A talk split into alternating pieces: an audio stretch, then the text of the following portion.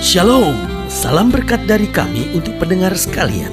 Saat ini pendengar akan diberkati dengan program Hari ini Harinya Tuhan bagian yang ke-8. Sebuah program rohani tentang doktrin Alkitab yang menolong kita untuk semakin tertanam dalam kebenaran firman dan bertumbuh dalam kemuliaan bersama hambanya Pendeta Gilbert Lumwendong STH. Banyak orang merasa doktrin Alkitab sebagai sesuatu yang membingungkan, tetapi tahukah saudara bahwa doktrin Alkitab intinya adalah memahami Alkitab dengan benar, dengan pemahaman yang sistematis, sehingga kita terus dapat tertanam di dalam kebenaran firman, sehingga kita terus bertumbuh di dalam kemuliaan Allah. Buka hati saudara sekalian untuk menerima berkat-berkat firman-Nya hari ini. Haleluya, haleluya, haleluya. Salam jumpa pendengar ini berkati Tuhan. Satu sukacita tersendiri kembali bagi saya Gilbert Lumoindong untuk ada di antara pendengar sekalian dalam program kita hari ini harinya Tuhan. Nah, saudaraku yang kekasih dalam Tuhan, hari ini a very very very special day. Hari ini adalah hari-hari yang sangat special. Kenapa? Karena inilah hari pertama di tahun yang baru. Happy New Year buat setiap saudara sekalian. Selamat tahun baru. Selamat memasuki tahun yang penuh dengan berkat Tuhan, penuh dengan mujizat Tuhan. Tahun di mana kita akan makin akrab dengan Tuhan, makin merasakan kebaikan Tuhan. Tahun di mana kita melihat terobosan-terobosan dahsyat dan luar biasa. Haleluya. Itu sebabnya saya bersama dengan seluruh kru dan pendukung acara dari program hari ini harinya Tuhan. Izinkan kami mendoakan dan mengucapkan berkat tahun baru buat setiap saudara. Sehingga di tahun ini kita akan melihat banyak mujizat. Di tahun ini kita akan melihat banyak perkara-perkara dahsyat. Di tahun ini kita melihat doa-doa kita dijawab. Dan di tahun ini kita merasakan pemulihan dan berkat Tuhan yang luar biasa. Haleluya. Nah saudaraku yang kekasih dalam Tuhan di hari pertama di tahun yang baru ini. Saya mau share buat setiap saudara sekalian tentang ciri ciri-ciri pemenang.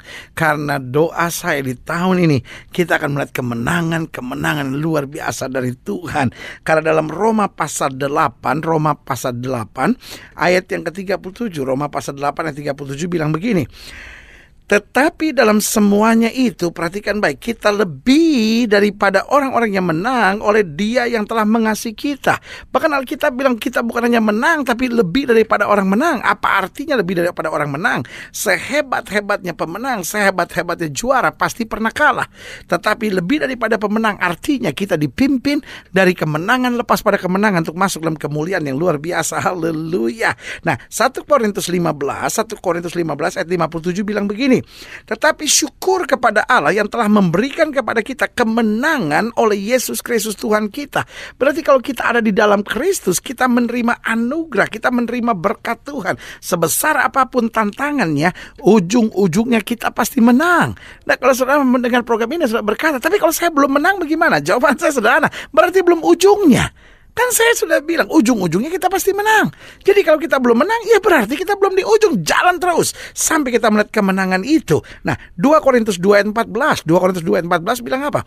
Tetapi syukur bagi Allah yang dalam Kristus selalu, haleluya saya senang kata ini. Tetapi syukur bagi Allah yang dalam Kristus selalu membawa kami di jalan kemenangannya.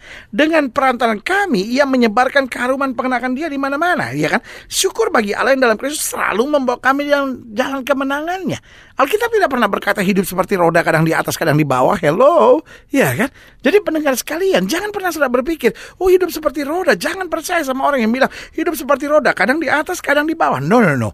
Alkitab saya tidak pernah bilang, ya kan? Itu ayat apa itu? Johnson pasal 3 ayat 2 kali saudara-saudara. Alkitab saya nggak ada kitab Johnson. Yang saya tahu adalah bahwa di dalam Kristus kita dibawa selalu di jalan kemenangannya. Artinya kita ada tantangan, tapi lebih menang lagi, lebih menang lagi lebih menang lagi. Sehingga kita menyebarkan keharuman pengenalan akan dia di mana-mana kata Alkitab. Nah, 1 Yohanes 5 ayat 4 sampai 5 bilang apa? 1 Yohanes 5 ayat 4 sampai 5. Sebab semua yang lahir dari Allah mengalahkan dunia. Dan inilah kemenangan yang mengalahkan dunia yaitu apa? Iman kita. Siapakah yang mengalahkan dunia selain daripada dia yang percaya bahwa Yesus adalah anak Allah. Jadi pada dasarnya Kita tidak diciptakan as a loser. Kita tidak diciptakan sebagai orang-orang yang kalah, menderita, hancur-hancuran. Tapi kita diciptakan sebagai apa? Champions. Kita diciptakan menjadi juara-juara. Nah pertanyaannya mengapa kita perlu dijanjikan sebagai pemenang? Sederhana, karena kita masih di dunia. Artinya kita masih dalam peperangan, kita masih dalam perjuangan, kita masih dalam tekanan. Masih banyak pemfitnah, masih banyak pengkhianat, masih banyak orang-orang curang. Kita masih di dunia. We are not in Eden yet. Kita belum tiba di sorga. Kita masih ada tantangan, tapi jangan mundur, jangan menyerah, jangan khawatir, jangan takut. Karena kita pasti menang. Yang pertama, mengapa perlu dijanjikan kita sebagai pemenang? Karena kita masih di dunia. Yang kedua, karena kita punya musuh.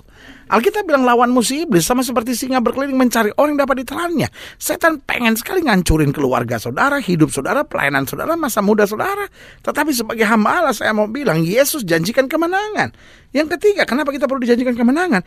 Karena memang kita belum sempurna. Alkitab bilang roh memang penurut, tapi daging lemah.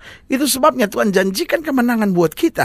Sehingga di tengah kelemahan kita, kita harus bangkit dan percaya bahwa saya diciptakan untuk menjadi pemenang. Nah pertanyaannya apa ciri pemenang? Yang pertama, pemenang bukan seorang yang sempurna, namun seorang yang mau terus disempurnakan. Jadi jangan karena kita ada kekurangan, jangan karena kita ada kelemahan, akhirnya kita kecewa dan berkata, ah mungkin saya beda kali, saya mungkin memang diciptakan untuk hancur kali, saya memang diciptakan untuk sengsara kali. No, no, no, Tuhan mau engkau menang. Karena pemenang bukan seorang yang sempurna. Jadi kalau sudah lihat, ya saya berasal dari keluarga broken home. Wah saya punya suami kasar. Wah saya punya istri kepala batu. Tetap bukan berarti sudah bisa uh, pasrah dan bilang, wah udahlah hancur-hancurlah. No, no, no. Pemenang bukan seorang yang sempurna, tetapi di tengah keadaan apa pun, dia mau terus disempurnakan. Haleluya. Yang kedua, pemenang bukan seorang yang tidak pernah gagal, namun seorang yang tidak pernah menyerah. Jadi kalau saudara melihat, waduh pendeta, di minggu-minggu, di bulan-bulan, di hari-hari, di tahun kemarin, saya banyak sekali kegagalan. Nah, berarti tahun ini saya nggak bisa mengalami kemenangan karena saya memang dasarnya seorang yang gagal. Nah, seorang yang pernah gagal bukan berarti harus selalu gagal. Tetapi seorang yang pernah gagal tidak perlu menyerah. Dia tahu ada tangan Tuhan yang menyertai dia dan dia tahu Tuhan menjadi sumber kekuatannya. Sehingga sekali lagi saya ulangi, pemenang bukan seorang yang tidak pernah gagal, namun seorang yang tidak pernah menyerah. Jangan cepat menyerah, jangan cepat putus asa. Kita masih punya Tuhan. Yang ketiga, pemenang adalah seorang yang tidak pernah berhenti belajar dan berjuang. Jadi seorang pemenang bukan berarti semuanya udah beres. Seorang pemenang bukan berarti oh semuanya sudah disediakan. Seorang pemenang bukan berarti seorang yang akan ada masalah. Tetapi seorang pemenang adalah seorang yang tidak pernah berhenti belajar dan berjuang. Karena in every problem there is always message of God.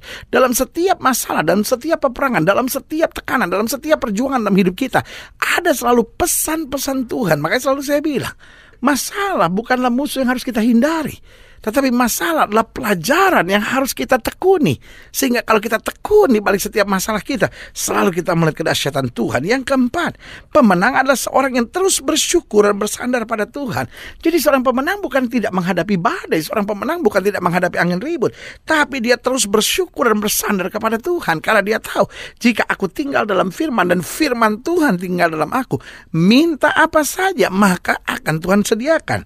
Yang kelima, seorang pemenang adalah seorang yang berpikir selaras dengan firman Tuhan. Artinya apa? Jangan pernah beri kesempatan kepada iblis di dalam pikiran kita. Kita kan kadang-kala kalau ada masalah sama suami misalnya, langsung pikiran kita, ah kita udah gak cocok, udah cerai aja deh gitu ya kan. Aduh, saya sama istri saya kok ribut terus ya, ah udah saya mungkin memang gak cocok kali. Nah, itu yang saya bilang, kita memberi kesempatan kepada iblis sehingga kita biarkan iblis menjajah kita. Jadi akhirnya kita membiarkan pikiran kita terjajah, terintimidasi oleh kegelapan, oleh kegagalan, oleh kehancuran. Tetapi hari ini saya mau ingatkan, pemenang bukan seorang yang semuanya udah beres, tapi seorang yang berpikir selaras dengan firman Tuhan. Filipi pasal 4 ayat 8 bilang apa? Apa yang benar, apa yang mulia, apa yang sedap didengar, apa yang patut disebut kebajikan dan patut dipuji. Pikirkan semuanya itu. Artinya apa? Jangan mikir yang jelek-jelek, tapi pikirkan hal-hal yang sudah firman Tuhan rencanakan dalam hidup kita. Haleluya. Dan yang keenam saya pelajari pemenang adalah seorang yang memahami rencana Allah bagi dirinya. Dia nggak pusing sama omongan orang. Orang mau ngomong apa nggak penting buat dia. EGP emang gue pikirin kan gitu kan Orang mau rancangan apa kek Orang mau jalanin apa kek Orang mau curangin bagaimanapun Buat dia nggak penting Karena seorang pemenang adalah seorang yang memahami rencana Allah bagi dirinya Makanya Yesus bilang apa Kalau boleh biarlah cawanin lalu, tapi biar bukan kehendakku yang jadi, melainkan kehendakmu yang terjadi. Artinya apa? Yang aku inginkan, yang aku impikan, yang aku kehendaki, semuanya nggak penting. Tetapi apa yang Tuhan rencanakan itu lebih dari segala-galanya. Haleluya. Dan yang ketujuh, pemenang adalah seorang yang dapat selalu menjadi saksi Tuhan dalam segala keadaan. Jadi seorang pemenang bukan seorang yang tidak menghadapi masa-masa sukar dalam hidupnya, tetapi dalam segala perkara dia tahu Tuhan Tuhan sudah terlalu baik buat saya. Biarlah hidup saya jadi saksi Tuhan. Alkitab bilang, supaya orang melihat perbuatanmu yang baik dan memuliakan Bapa di sorga. Jangan sampai kita justru jadi batu sandungan. Katanya kita anak Tuhan. Katanya kita orang percaya. Katanya kita cinta Kristus. Tapi orang lihat hidup kita. Aduh minta ampun. Ini orang kok udah maki orang. Waduh ini orang irinya gak karu-karuan. Nah ini yang saya bilang. Jangan sampai Iblis mendapat kesempatan dalam hidup kita sampai akhirnya hidup kita nggak memuliakan Kristus. Ingat, We are winners in Christ. We are champions in Christ. Kita adalah pemenang-pemenang di dalam Kristus. Ini bukan saatnya kita menyesali nasib. Ini bukan saatnya kita menyesali keadaan. Ini bukan saatnya kita menangisi persoalan-persoalan hidup. Tapi sebagai hamba Allah saya mau ingatkan buat saudara, engkau pemenang di hari pertama di tahun yang baru ini, saya hanya mau ingatkan buat saudara, engkau bukan orang biasa, engkau bukan orang kalah, engkau bukan orang sengsara. Mungkin saudara berkata, ya, tapi masalah saya banyak. But you are winners in Christ. You are champions in Christ. Engkau adalah pemenang-pemenang juara-juara dalam Kristus. Ini saat kita bangkit dan kita imani bahwa dalam Kristus dia selalu membawa kita ke jalan kemenangannya. Haleluya. Saudara ingin didoakan secara khusus, boleh taruh tangan kanan saudara di dada dan jadikan hari ini hari di mana mujizat Tuhan kembali mengangkat kita dan memberikan kemenangan-kemenangan yang luar biasa. Nah, saudara-saudara yang tangan kanan saudara di dada, angkat hati saudara dan mari kita berdoa Bapa di dalam nama Yesus. Secara khusus hamba berdoa untuk setiap pendengar sekalian sehingga hari ini di hari pertama di tahun yang baru ini kami menerima urapan kemenangan, kami menerima urapan sukacita, kami menerima urapan mujizat, kami menerima urapan kedekatan, keakraban, keintiman dengan Yesus di dalam nama Yesus sehingga setiap mereka mendengarkan program program ini Tuhan akan mengalami berkat anugerah kasih karunia dan kekuatan baru buat Tuhan di tahun yang baru ini. Hamba ucapkan berkat pemulihan buat keluarga, orang-orang muda, dan kehidupan dan pelayanan kami sehari-hari. Di dalam nama Yesus kami berdoa. Haleluya. Amin, amin, amin. Saudaraku yang kasih dalam Tuhan, kita sudah berdoa. Ingat Allah tidak pernah lalai menepati janjinya. Inilah saatnya buat kita untuk bangkit bersemangat, bersuka cita dalam menghadapi segala perkara. Karena kita tahu Yesus hidup, Yesus berkuasa dan selalu menyediakan yang terbaik buat anak-anaknya. Dan izinkan dalam kesempatan ini juga, saya atas nama pribadi bersama dengan istri saya Renda, ketiga anak saya Garen, Sela, dan Gravens mengucapkan selamat tahun baru buat setiap saudara. Kiranya tahun ini tahun yang penuh mujizat, tahun yang penuh berkat, tahun yang penuh kemenangan kemenangan. Tahun di mana sudah dituntun makin akrab, makin dekat, makin intim dengan Tuhan untuk mengalami segala hal yang baik. Doa saya menyertai saudara tetap semangat dan pastikan jadikan hari ini harinya Tuhan. Haleluya.